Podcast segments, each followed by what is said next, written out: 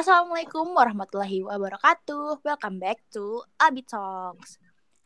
Oke, gue belum pernah nih ngisi podcast di sini, so gue mau kenalan dulu deh ya untuk sama teman-teman sekalian. Kenalin nama gue Rara, gue podcaster baru di sini, ya elah. Uh, jadi di sini gue bakal membahas sesuatu yang asik banget nih, coy. Yang sekiranya apa ya bukan problem yang serius-serius lah. Kita bakal sharing-sharing di sini. Dan tentunya gue tidak sendirian ya guys ya. Jadi gue bakal kenalin kalian ke partner tercantik yang pernah gue pernah gue temui. Ini dia partner gue. Welcome.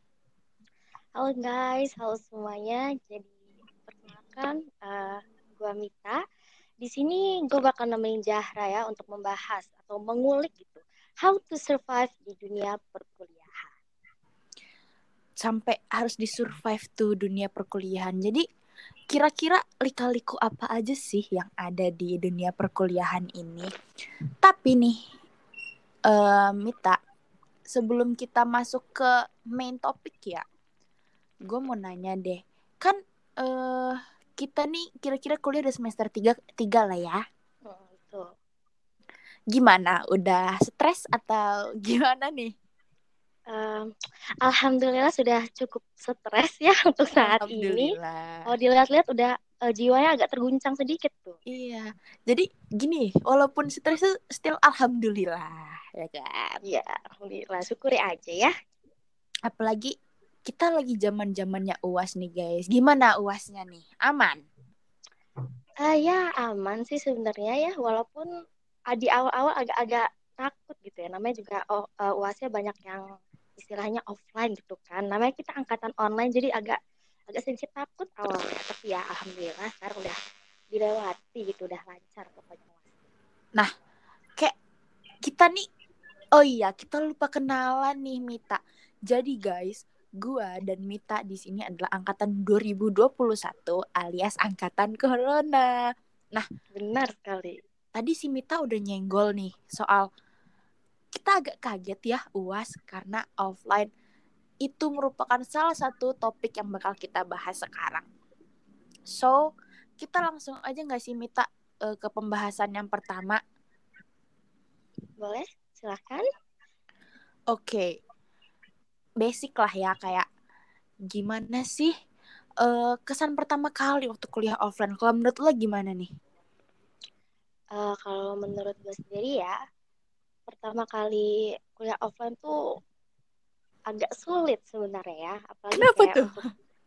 Gue tuh agak ya gimana ya agak introvert gitu istilahnya. Jadi pas kuliah offline tuh uh, capek banget sumpah. Kayak tiap hari tuh ada aja yang bikin gue tuh kayak pengen ih pengen pulang pengen pulang pengen pulang. Jadi Siti ini uh, introvert ya guys ya. Dan kalau boleh tahu MBTI lo apa sih? Uh, MBTI gue INFJ lo gimana? Kalau lo gimana MBTI-nya kita sangat berkebalikan ternyata ya. Kalau gue di sini ESTJ dan ekstrovert gue ya sudah lah ya. Ya. Tidak jadi dibahas sudah kelihatan. di sini Mita capek guys ketemu orang setiap hari. Karena ya mungkin dari sisinya si Mita yang introvert mungkin kayak ah gue ketemu nih orang mulu ya kan? Hmm. jadi kayak aduh capek deh gue gitu. Gue pengen sendiri gitu. Betul? Betul banget that's introvert things ya. Ya, yeah, that's the introvert thing. Selain itu karena yang bikin capek itu kan agak kagok ya. Jadi kita selama yeah. hampir berapa tahun ya? Dua tahun kita di rumah aja. Tiba-tiba kita beraktivitas seperti biasanya harus bangun pagi, harus nyiapin baju, harus tepat waktu istilahnya masuk kelas itu kayak ada pressure sedikit gitu. Karena kita dari kebiasaan kita yang awalnya di rumah aja kayak kita begadang malam tiba-tiba langsung berganti semua gitu jadi agak susah sebenarnya awal-awalnya untuk ngimbangin tapi alhamdulillahnya sekarang tapi makin ke sini ya. aman Aman dong. Alhamdulillah. Nah, kalau gue sih ya karena gue dari sisi ekstrovert ya. Kalau gue justru seneng karena kayak wah gue tiap hari ketemu teman-teman, gue ngobrol sama teman-teman. Jadi kayak ya ya kayak karena kan kalau online kan kita apa sih dengerin dosen tuh kayak ngangong sendiri mau nyaut pun gak ada yang denger gak ada yang lihat ya kan? Tapi kalau misalkan lo kuliah offline tuh kayak kita ngangguk-ngangguk seenggaknya dosennya lihat kayak kelihatan gitu loh responnya. Jadi yang satu sisi capek ketemu orang terus yang satu sisi kesenangan ketemu teman-teman ya rame-rame ya kan? Kita nongki-nongki santik gitu kan. Kayak balik sekolah eh balik sekolah lagi. Balik kuliah. Beli. kayak kagak jadi kelas ya. Cabut gitu. Ini ketahuan banget ya agak badungnya ya, Bun. ya bukan Badung sih. Kan kita belakangan ini sering di PHP-in kan sama dosen. Betul apa betul? Tuh. kalau Siti bal pas di PHP dosen pasti langsung balik. Iya kan? Sedangkan kalau gue balik eh di PHP-in sama dosen ke mana yuk? Rumah siapa yuk? Ke mana yuk? Gitu. Nggak nggak bakal pulang gue. Jadi ya seperti itulah lika-liku kita ya. Terus eh kalau menurut lo nih lo punya kultur shock nggak? Selain yang kayak ah gue harus prepare apa ya ya prepare ketemu orang-orang gitu capek ketemu orang-orang. Selain itu lo punya kultur shock nggak? Entah itu di di dalam pembelajaran atau dalam organisasi gitu. Hmm, culture shock sebenarnya banyak. Tapi banyak lebih guys iya banyak banget sebenarnya. Cuman kayak em, lebih kepada di pertemanannya sebenarnya sih. Lingkungan pertemanannya agak beringas kalau dilihat-lihat ya. gimana tuh Eh, eh, agak beringasnya tuh lebih kayak ternyata ada loh orang yang kelihatannya baik, ternyata ada ada sesuatunya baiknya tuh. Ada udang di balik Ah. batu ternyata. Terus ada juga yang kelihatan polos-polos aja tapi ternyata wow, menyimpan sesuatu iya menyimpan sesuatu ya. Jadi agak agak kaget. Terus kayak eh, ternyata berteman di kuliah itu banyak orang yang berteman tapi cuma untuk formalitas aja, untuk saling Waduh. Gitu ternyata. tapi apa ya eh gua gua pun menyetujui ya soal ini tapi ini cukuplah menjadi pelajaran untuk masing-masing ya nggak sih maksudnya kalau di Iya. saat orang-orang bilang "Per- temenan di perkuliahan itu susah emang susah banget susah banget susah yang kenapa karena kayak ya mungkin di awal gue temenannya sama si A tapi belum tentu sampai wisuda gue bakal sama si A terus ya kan Betul banget. karena kadang belum nyampe eh, semester 5 atau mendekati wisuda jangankan sampai situ deh baru semester 2 semester 3 langsung kelihatan loh aslinya gimana ya bukan bermaksud gimana gimana ya cuman kayak iya. Sorry to say ya. "Eh-eh, cuman ini real jinja culture shock cuma kalau lo sendiri nih gimana cara me- menyikapi hal tersebut kayak misalkan lo temenan sama si A yang udah gue anggap uh baik banget gue percaya banget sama lu apa pun gue apa gue ceritain tapi ternyata dia kayak ya adalah hal yang membuat lo kecewa atau membuat yang apa ya kayak nggak pas deh di diri lo ternyata itu lo cara menyikapi pertemanan yang seperti itu tuh gimana Kalau dari gue sendiri ya secara pribadi, gue bakal tetap temenan sih pasti kan. Gak mungkin kita langsung kayak oh ngejauh apa gimana. Cuman akan lebih baik gitu kita ambil positifnya dan buang negatifnya. Karena gue selalu berpegang teguh tuh gini, lo tuh kalau berteman sama orang, gak mungkin lu semua hal yang ada di orang itu lu suka. iya dan itu bukan berarti dia melakukan suatu kesalahan dia jadi orang jahat jadi kayak Mm-mm. ya udah terima apa adanya kecuali kalau misalnya orang itu memang benar-benar yang udah bikin apa ya nggak enak gitu Mm-mm. apa pokoknya udah nggak klop sama lo itu Hmm. ya mungkin lo bisa membatasi diri Oh, bener banget nih. Jadi apa ya, walaupun nggak pas atau akhirnya kita agak renggang tuh bukan berarti kita harus musuhin. Cuma Hmm. kita tetap temenan kok. Cuma mungkin yang tidak se-close itu, tidak sedekat dulu lagi. Oke. Itu kita udah ngebahas soal pertemanan. Ya lika-liku kehidupan kita bertemu orang-orang lah ya guys ya. Kalau gue sendiri ya, soal kultur shock, kultur shock gue agak aneh nih.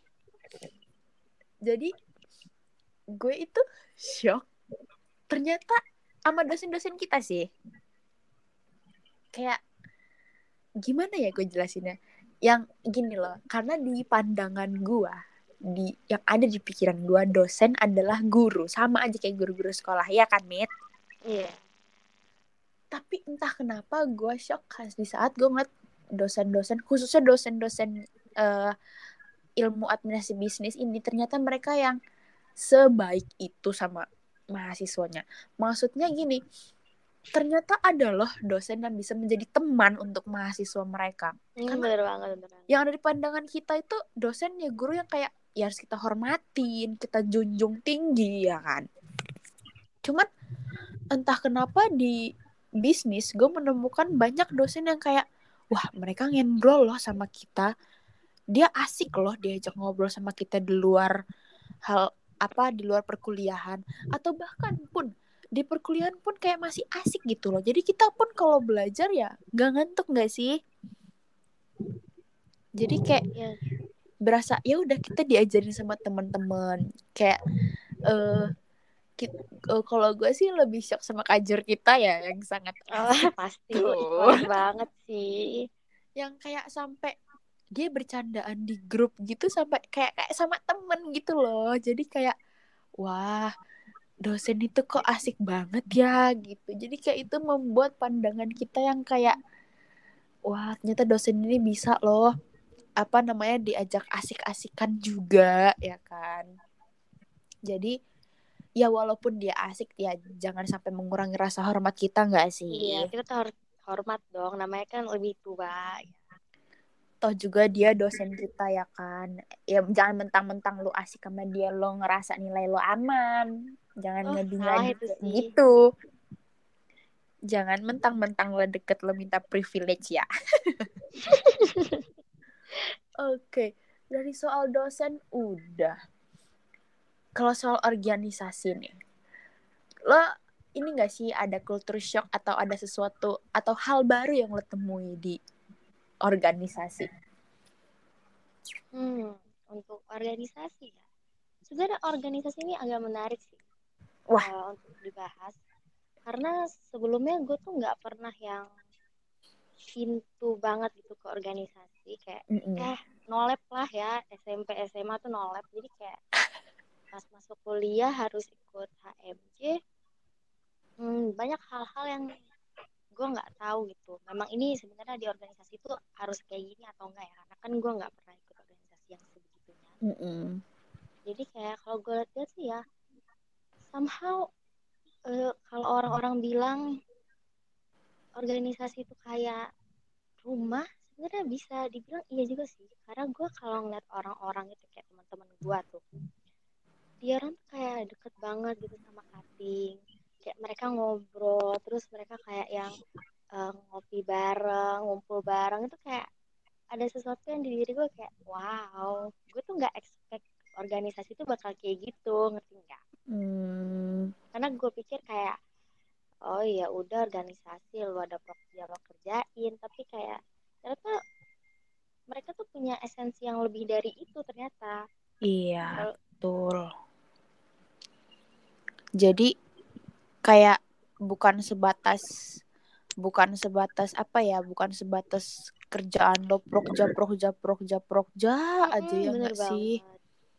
Jadi kayak curhat-curhatan juga eh, apa ya pendekatan emosionalnya dapet ya nggak sih? benar-benar banget Jadi kayak kita deket sama cutting itu bu- nggak sebatas kita, aduh kita ngomongin project, tapi di luar itu kita bisa curhat, ngobrol asik-asikan gitu. But overall dari semua yang kita bicarain tadi, sebenarnya kuliah itu asik kok, ya kan? asik asik banget kok gini, kalau untuk how to survive dunia perkuliahan, tetap jadi diri sendiri aja. Karena gimana ya, jangan ngikutin karena mentang-mentang gue temenan sama lo, gue harus ikutin apa yang lo mau. Kita apa ya, udah mulai gede, udah masuk ke fase yang kayak ya bukan siswa lagi gitu.